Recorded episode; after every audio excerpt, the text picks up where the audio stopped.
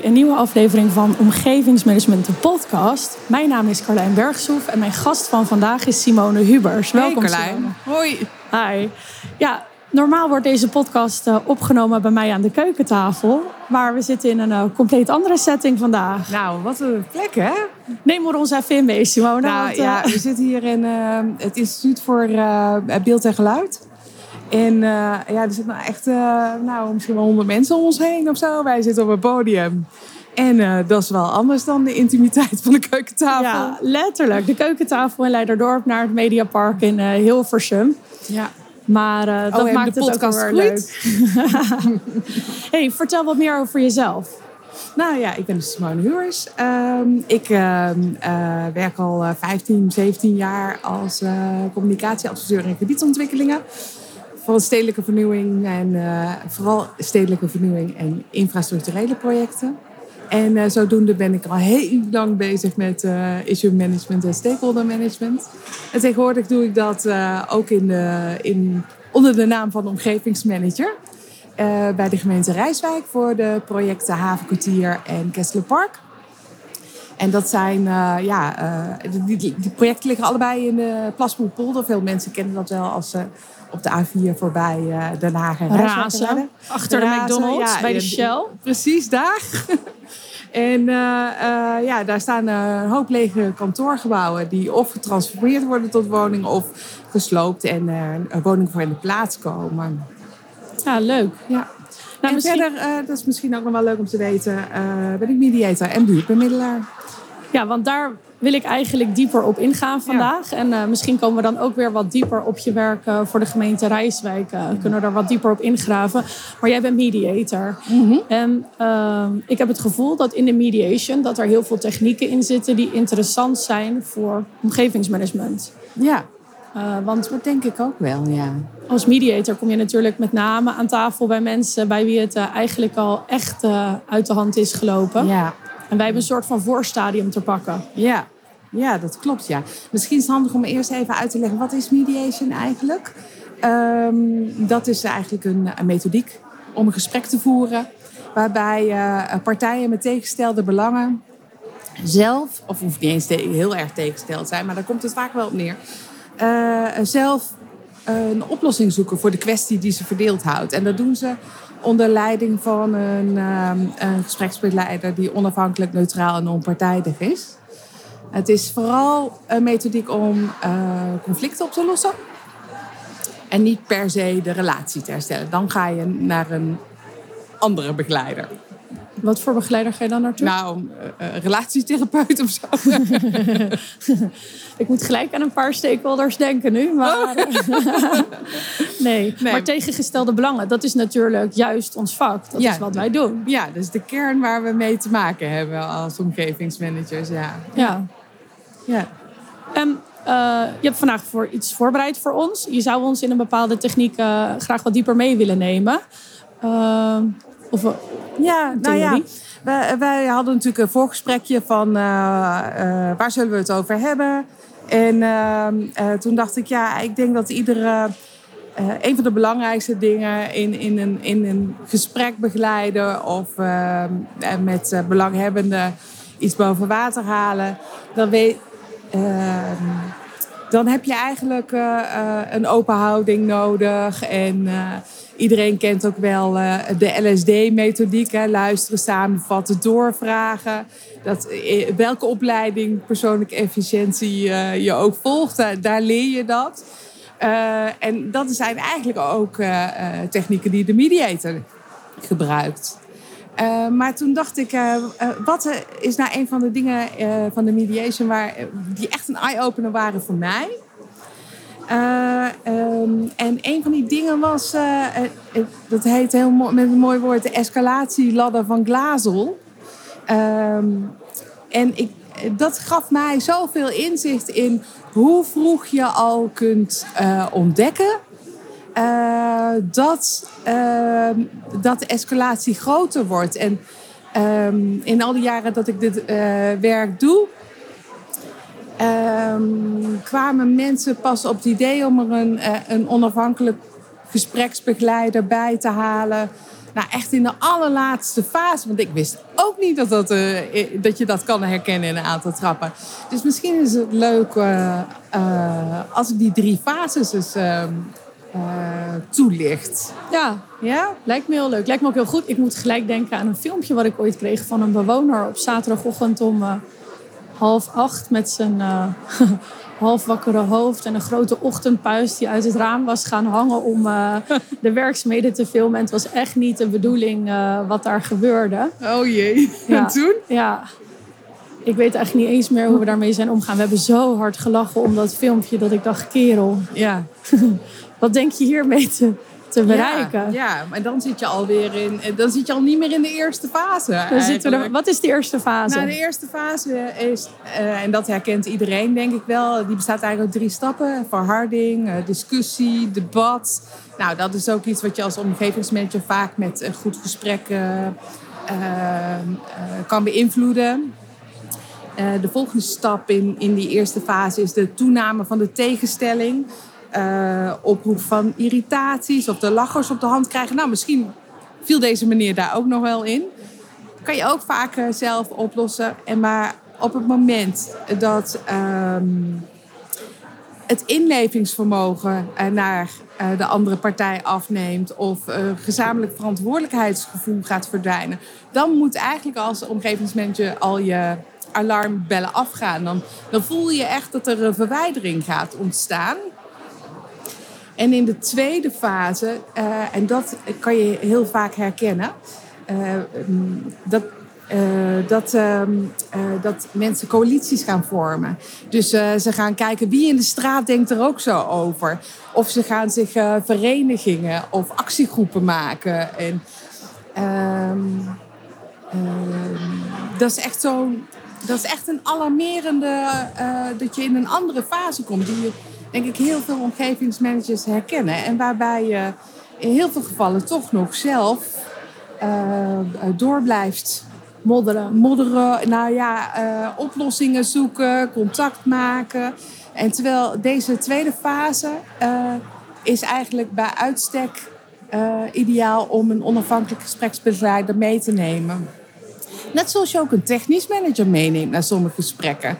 Om, omdat je dat als omgevingsmanager ook niet uh, alle civiel-technische ins en outs kent. Neem je gewoon een specialist mee. Dus waarom zou je niet een facilitator van een goed gesprek meenemen? Ja. Wacht, er schieten heel veel vragen door me hoofd. Ja, maar één daarvan is... Ja uh, die fases, je, je, benoemt ze nu als een soort van volgtijdelijk. Maar kunnen ze ook niet juist heel erg door elkaar heen lopen? Ja, natuurlijk kan dat, uh, kan dat door elkaar lopen. Omdat het bij de ene partij weer net anders is dan bij de andere. Als omgevingsmanager hebben we natuurlijk met een heleboel stakeholders te maken. Dus het, uh, bij al die verschillende partijen kan, kan je op een andere plek in die escalatieladder zitten. Uh, maar ik vind dit, um, die coalitievorming, die kan je als omgevingsmanager gewoon heel duidelijk herkennen. Um, en ja, gaat het dan verder, dan gaan mensen uh, een zondeboek zoeken. Iemand, jij bent dan de schuldige, je hebt het gedaan, het wordt op de man gespeeld. En een andere als mensen echt harde eisen gaan stellen, um, sancties willen opleggen of je ziet paniekreacties, dat is eigenlijk je volgende alarmbel. Want dan staan mensen echt op het punt van. Uh, haal, haal, me hier uit. ja. of, uh, of het wordt totale oorlog. Dat is de laatste fase. Nou, dat red je, dat los je zelf niet meer op. Dat gaat heel moeilijk met een gespreksbegeleider. Eigenlijk zit je dan bij de rechter. Uh, die het dan maar. Uh, maar ja, dan zit je ook in. Niet meer in de. Oeh, mijn microfoon. Mijn Headset. koptelefoon valt af. Sorry.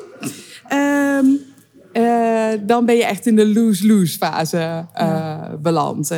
ja.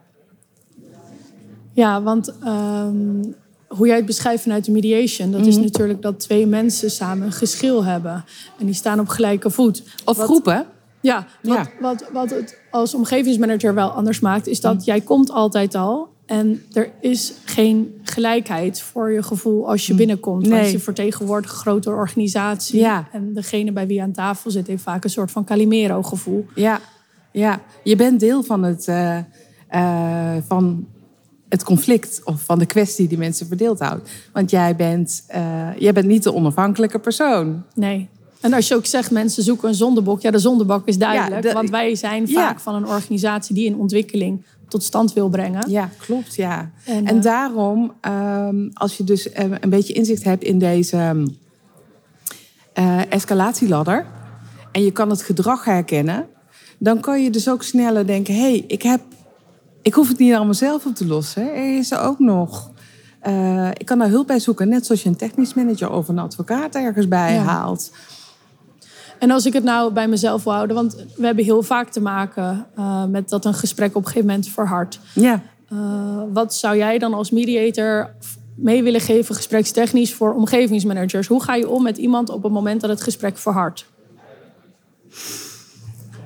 Um, het begint, wat ik al zei, hè, het begint met een uh, open houding. Um, probeer, hoe moeilijk het ook is, als jij um, zelf die moeilijke boodschap komt brengen. Ja, dat klinkt misschien een beetje zweverig, maar toch je hart open te stellen naar die mensen en je in hun schoenen te verplaatsen. Hoe zou je dat zelf ervaren als iemand jou komt vertellen? Ja, uh, we, moeten ja, we moeten je huis gaan slopen en er komt iets anders. Of uh, we gaan hier uh, langs jouw tuinhek een, een uitbreiding van de weg maken. Ja, ik mag binnenkort aan mensen vertellen dat we bomen op hun oprijlaan moeten kappen. Ja, dat is ook ja. zo'n in deze tijd. ja, je weet gewoon, daar komt gedoe van. Daar komt heel veel gedoe ja. van. Daar worden ja. mensen niet blij van. Nee.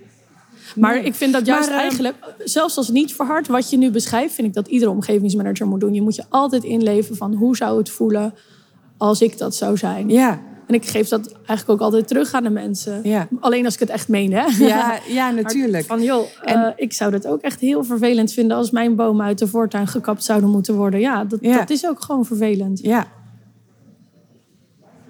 Ja, dat is zo. Maar daar begint het natuurlijk als jij met een oprecht gevoel het gesprek in gaat, dat is al uh, de basis uh, van, een, van een goed gesprek. En vaak helpt dat al een angel eruit te halen. Um, dan hou je het zachter. Dan hou je het zachter. En um, kijk, eigenlijk wat jij doet is ook een, een vorm van een gevoelsreflectie geven. En dat is wel een, een mooie tip eigenlijk, uh, die, uh, een gesprekstechniek die je goed kan gebruiken. Alleen, ja, houd het nu uh, bij jezelf. Hè. Ik zou het ook heel vervelend vinden. Dat is ook een beetje een vorm van heretiketteren. Dus dat het heel normaal is. Mm -hmm. dat je daar ongemakkelijk bij voelt of vervelend of verdrietig of dat je er boos van wordt. Een hele goede gesprekstechniek is gevoelsreflectie geven. Dus je vertelt en je kan samenvatten of parafraseren wat uh, mensen jou hebben meegegeven. Oh, uh, u bent hier al jaren mee bezig. U heeft zelfs een dossier opgebouwd. Ik zie dat u er verdrietig van wordt, of boos, of gefrustreerd. Of wat je ervaart aan de andere kant van de tafel. En heel vaak als dat benoemd wordt, dan voelen mensen erkenning. En dan, uh, soms zie je zelfs letterlijk een soort ontspanning aan de andere kant van de tafel ontstaan. Van ja, ja, dat is het. Ik ben eigenlijk gewoon heel erg boos. Ja, mensen voelen zich dan echt gezien. Daar gaat ja. het om. En daar, dat is een, een, een belangrijke techniek om uh, ja, een beetje de angel uit het gesprek... Om, om weer naar die verzachting te gaan. Ja, want dat merk ik ook wel. Niemand wil een zeikert zijn. Nee. Mensen willen gewoon, die, die hebben het gevoel van... Ja. joh, ik ben toch niet gek? Dit, mm -hmm. dit, dit is gewoon... Hè? En ja. op het moment dat ze zich echt gezien voelen en echt begrepen voelen... Ja ja, en uh, ja, ik liet het ook al vallen, hè, uh, uh, positieve heretiketteren is ook wel iets wat helpt. En soms heb je dan gesprekken waarbij de een zegt, ja, maar hij loopt altijd zo te zeuren en zij lu luistert nooit. nou, dat kan je allemaal aanhoren. Um, en dan um, op een gegeven moment kan je dat ook bij elkaar brengen van... Oh, dus jullie hebben allebei behoefte aan een betere communicatie. Of uh, uh, jullie uh, behoeftes zijn anders, maar uh, je wil allebei een beter contact. Weet je, op, op die manier. positiever framen eigenlijk. Positiever framen. En dan breng je het gesprek ook weer naar een ander niveau. Ja. Ja, dat helpt ook voor jezelf. Ik zie trouwens ook heel veel parallellen nu, wat je vertelt uit de mediation. Ja. naast wat ik leer uit NLP, daar heet het herkaderen. Oh ja. Oh, maar inderdaad. daar gaat die koptelefoon weer. Het is een hele andere setup. Uh, het is super profi ineens. Ik heb het een klein hoofd, denk ik. Hij zit al op zijn Liever dat dan een waterhoofd, toch? ja, liever dat. Oh, dat is trouwens ook positief. ja. Maar ja, kijk, weet je, je kan heel vaak uh, als je iemand aan de lijn hebt, dat je denkt, jeetje, wat een zeikert, daar gaan we weer. Uh, maar als je het herkadert uh, naar, het is eigenlijk gewoon betrokkenheid. Ja. En die betrokkenheid, ja. die kan je vaak ook helpen. Want dit zijn wel de mensen die heel vaak kennis hebben van het gebied en van de omgeving. ik heb zelf wel eens gehad dat ik dan wil weten hoe ik mensen goed kan bereiken. Ja. En dan vraag ik gewoon aan die betrokken mensen: joh, stel nou dat ik jullie goed wil bereiken. Wat zijn dan goede communicatiemanieren en hoe, uh, hoe ga ik dan met jullie om? Ja, super goede vraag. Ja, maar dat ja. vinden ze tof. En ja. dan, uh, dan, dan ja. zeg maar, dan ben je een beetje van, uh, ga je van het, de zeikmodus naar constructief. Dat je er beide wat aan hebt. Ja. Nee, ik werk natuurlijk vaak als, als interim op allerlei verschillende plekken. En dan is een van de eerste vragen ook altijd die ik stel. En hoe gaan we samenwerken binnen een team? En dan zie ik ook al echt heel vaak dat mensen stilvallen van... Uh, uh, oh, daar heb ik eigenlijk nog nooit over nagedacht. Ja. Zijn wij een team dan? Uh, nou, ik denk dat mensen dat wel ervaren. Maar dat je die vraag stelt van hoe gaan wij dit samen fixen... En die, die vraag kan je als omgevingsmanager ook stellen. En hoe wil je contact houden is natuurlijk een, een heel belangrijke vraag een mooie open vraag ook, die veel ruimte biedt. En uh, waar je weer op door kan vragen. Nou, dan ja. zijn we weer bij het begin. Ja.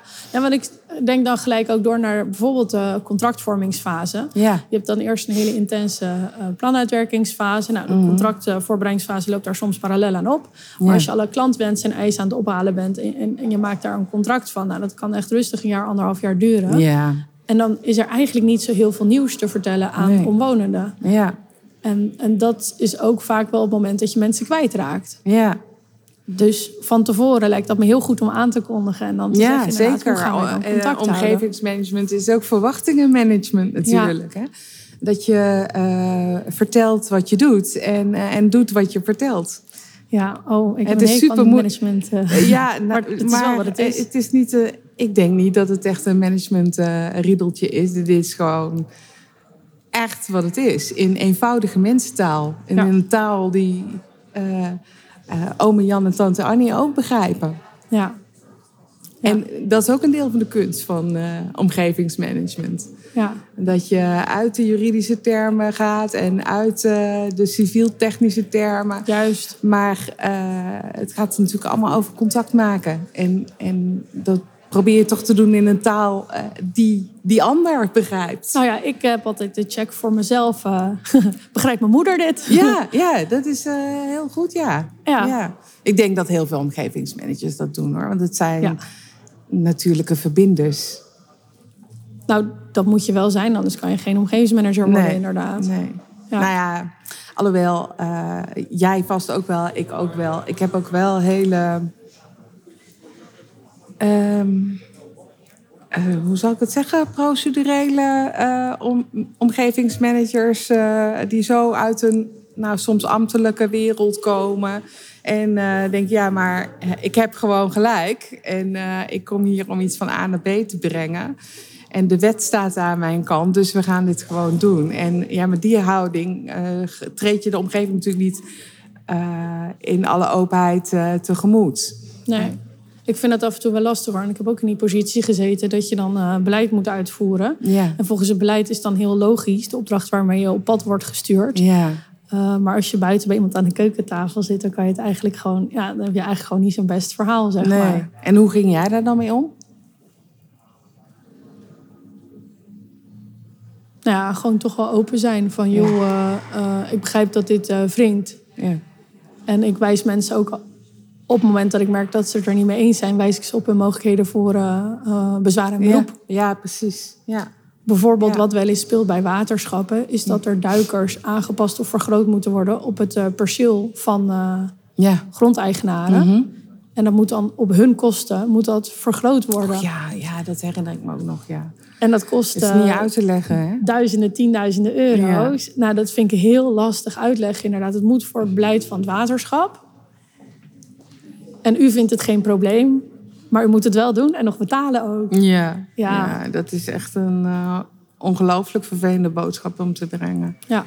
Ja, ja dan juist door die open kaart te spelen en, uh, en dan, ja, klinkt misschien een beetje lullig, maar je te verschuilen achter dat beleid van ik, ik ben slechts de boodschap. Ja, ja. ja, kan je wel de relatie goed houden uh, met die mensen. Als ze maar vertrouwen in jou houden, dat de volgende keer uh, aankomt, dat ze weten, ja, die Colijn is wel. Uh, maar daar kan ik wel bouwen. Ja, dus dat is ook een trade-off. Want als ja. omgevingsmanager moet je ook zorgen dat de omgeving een duurzame relatie met de organisatie houdt. Want het ja. gaat niet alleen om jou, maar ook met de organisatie. en dat, dat is soms dus een trade-off van, goh, ga ik, uh, ben ik nu solidair met het beleid?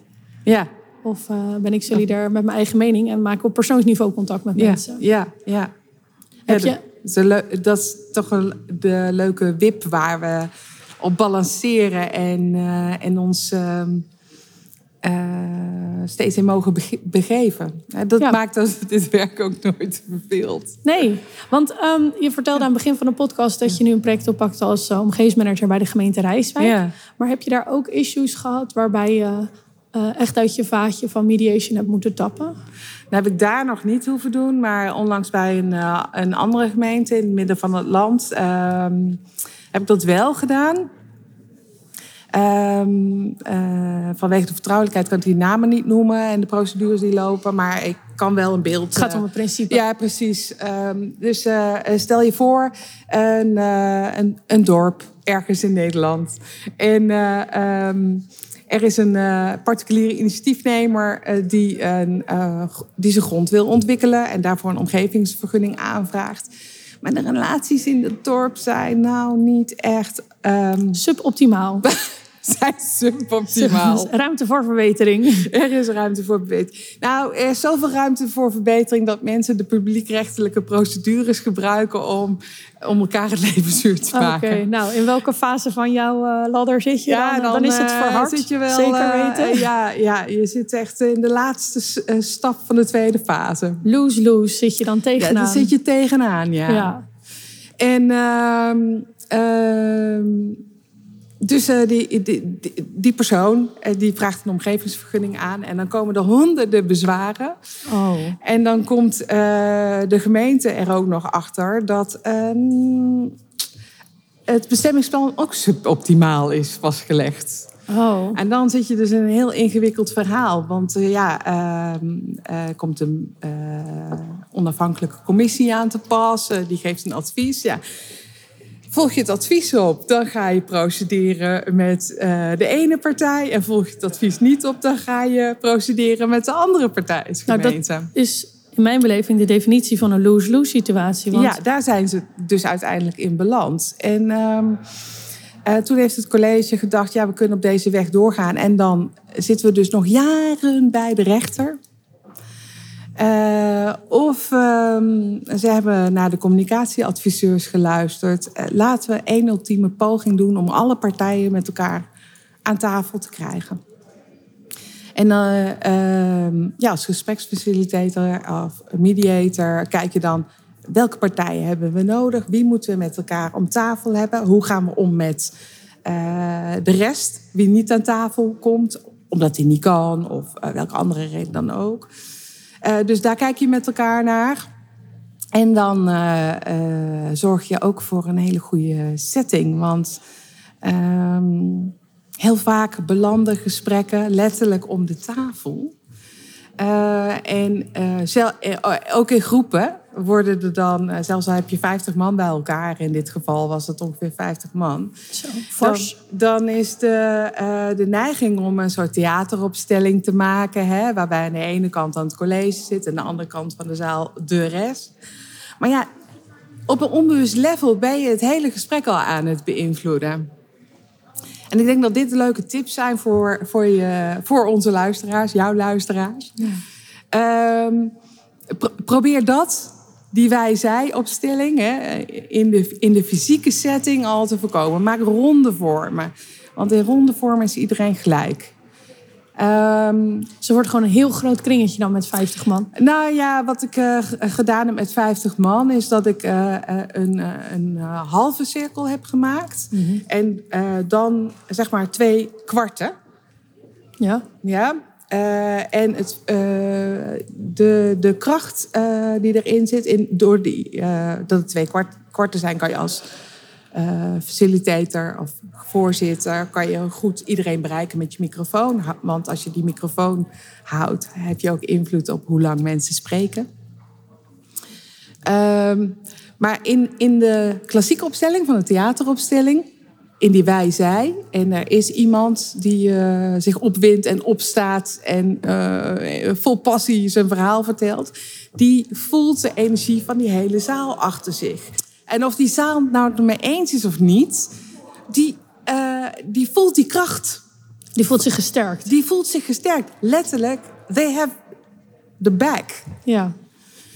Uh, wat normaal heel mooi is, maar in dit geval contractproductief. Ja, ja, en wat je doet door ronde vormen te maken of, uh, of ovalen, uh, je zorgt ervoor dat er net zoveel mensen die achter iemand zitten ook tegen iemand aankijken. Ja. En dat is wel even een ander verhaal. Ja. Want als jij 25 ogen achter je hebt, maar ook 25 ogen voor je, dan gaan mensen zich heel anders gedragen. Uh, ze blijven boos. Uh, ze zijn het er niet mee eens. Dat verander je er niet mee. Maar de toon van het gesprek verandert wel. Hoe was in dit geval de toon van het gesprek? Uh, in dit geval, uh, ja, daar zaten wel emotionele dingen bij. Hè, van mensen, sommige mensen die hebben jarenlang over elkaar gesproken, maar nooit met elkaar. En uh, ja, dan komt er naar boven uh, waarom, ja, dat mensen elkaar gewoon niet begrijpen.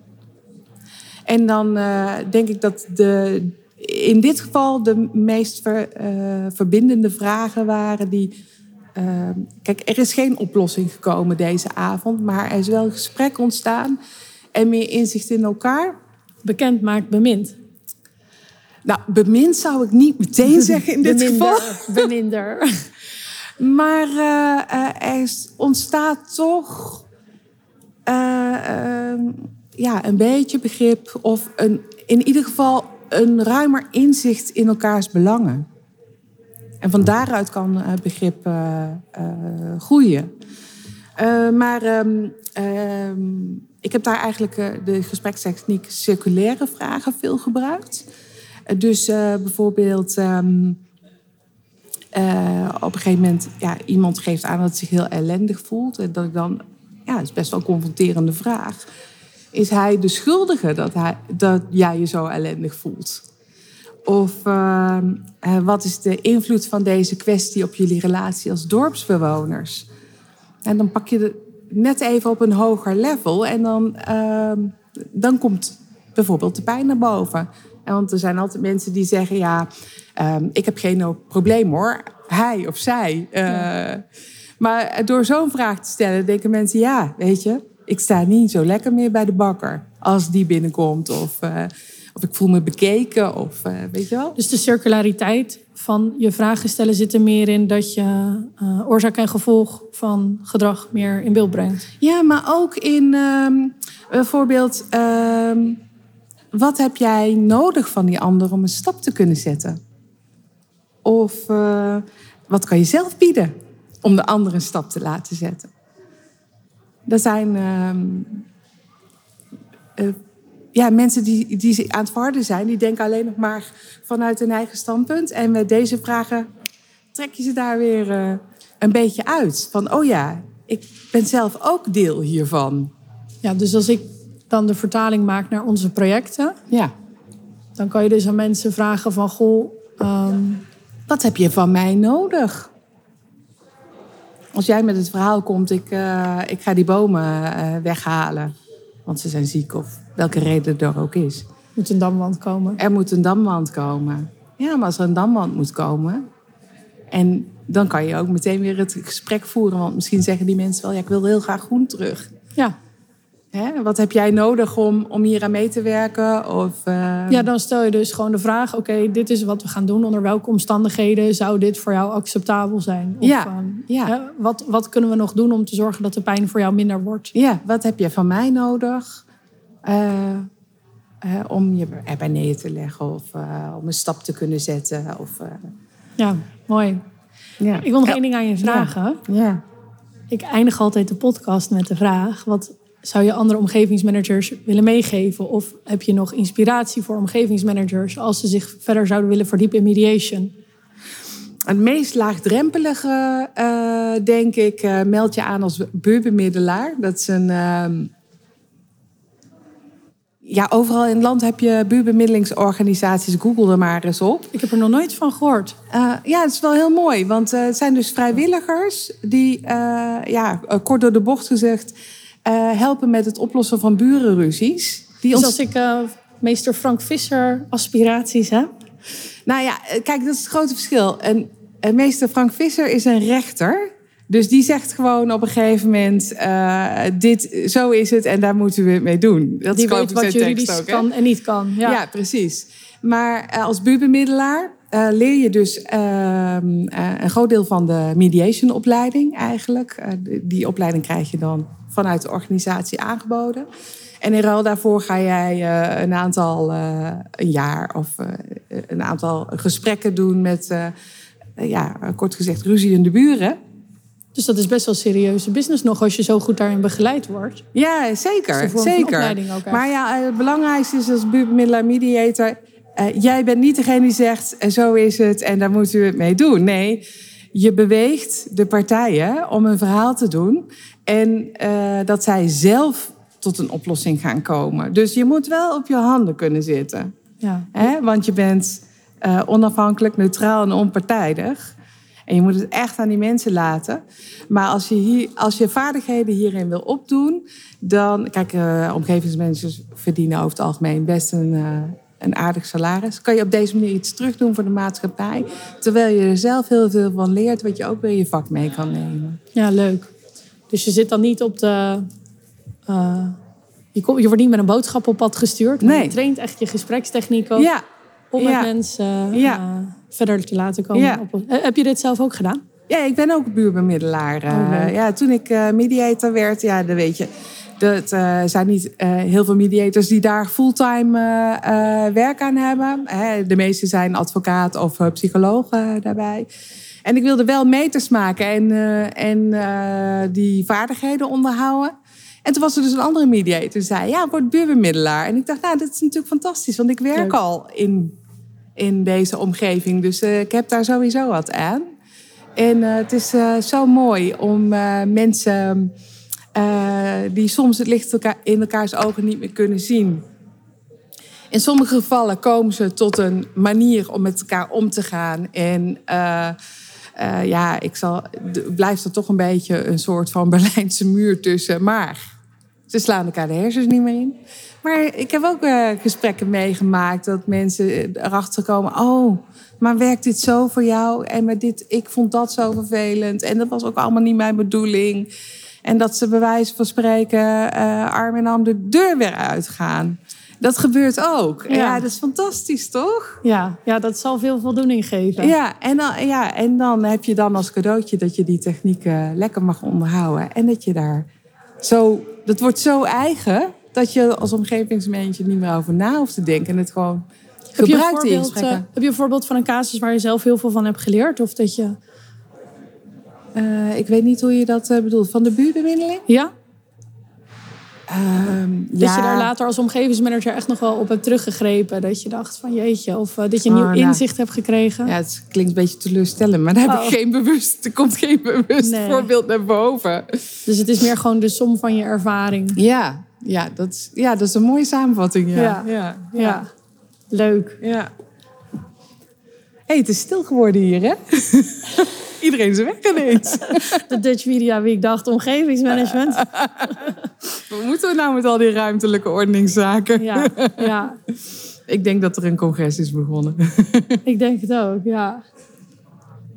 Ja, ik wil je graag bedanken voor je tijd en, uh, en je aandacht. Ja, ik heb het heel graag gedaan. En wat een ongelooflijk leuke ervaring. Superleuk om uh, met jou te kletsen natuurlijk. Maar ook om ja, live dit hier mee te maken is echt... Uh, nou, dankjewel. Ja, graag gedaan. Ik heb ervan genoten en ik hoop uh, dat je leuke reacties op krijgt. Ja, ik ben benieuwd. Ik ben benieuwd. Dankjewel ja. voor je tijd. En uh, voor de luisteraars zou ik graag willen meegeven... ehm, mocht je verder willen diepen, verdiepen in omgevingsmanagement, dat je denkt, nou, dat klinkt echt als een boeiend vak. Ik wil graag meegenomen worden in casus en in theorieën. Uh, ik geef weer een cursus omgevingsmanagement op 15 november in Haarzuilens. En je kunt je daarvoor aanmelden op www.onbeperkteomgevingsmanagement.nl.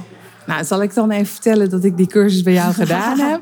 En dat het echt ontzettend de moeite waard is. Dankjewel, uh, dankjewel. Leuk dus, om te uh, ga naar die site en meld je aan. Dankjewel.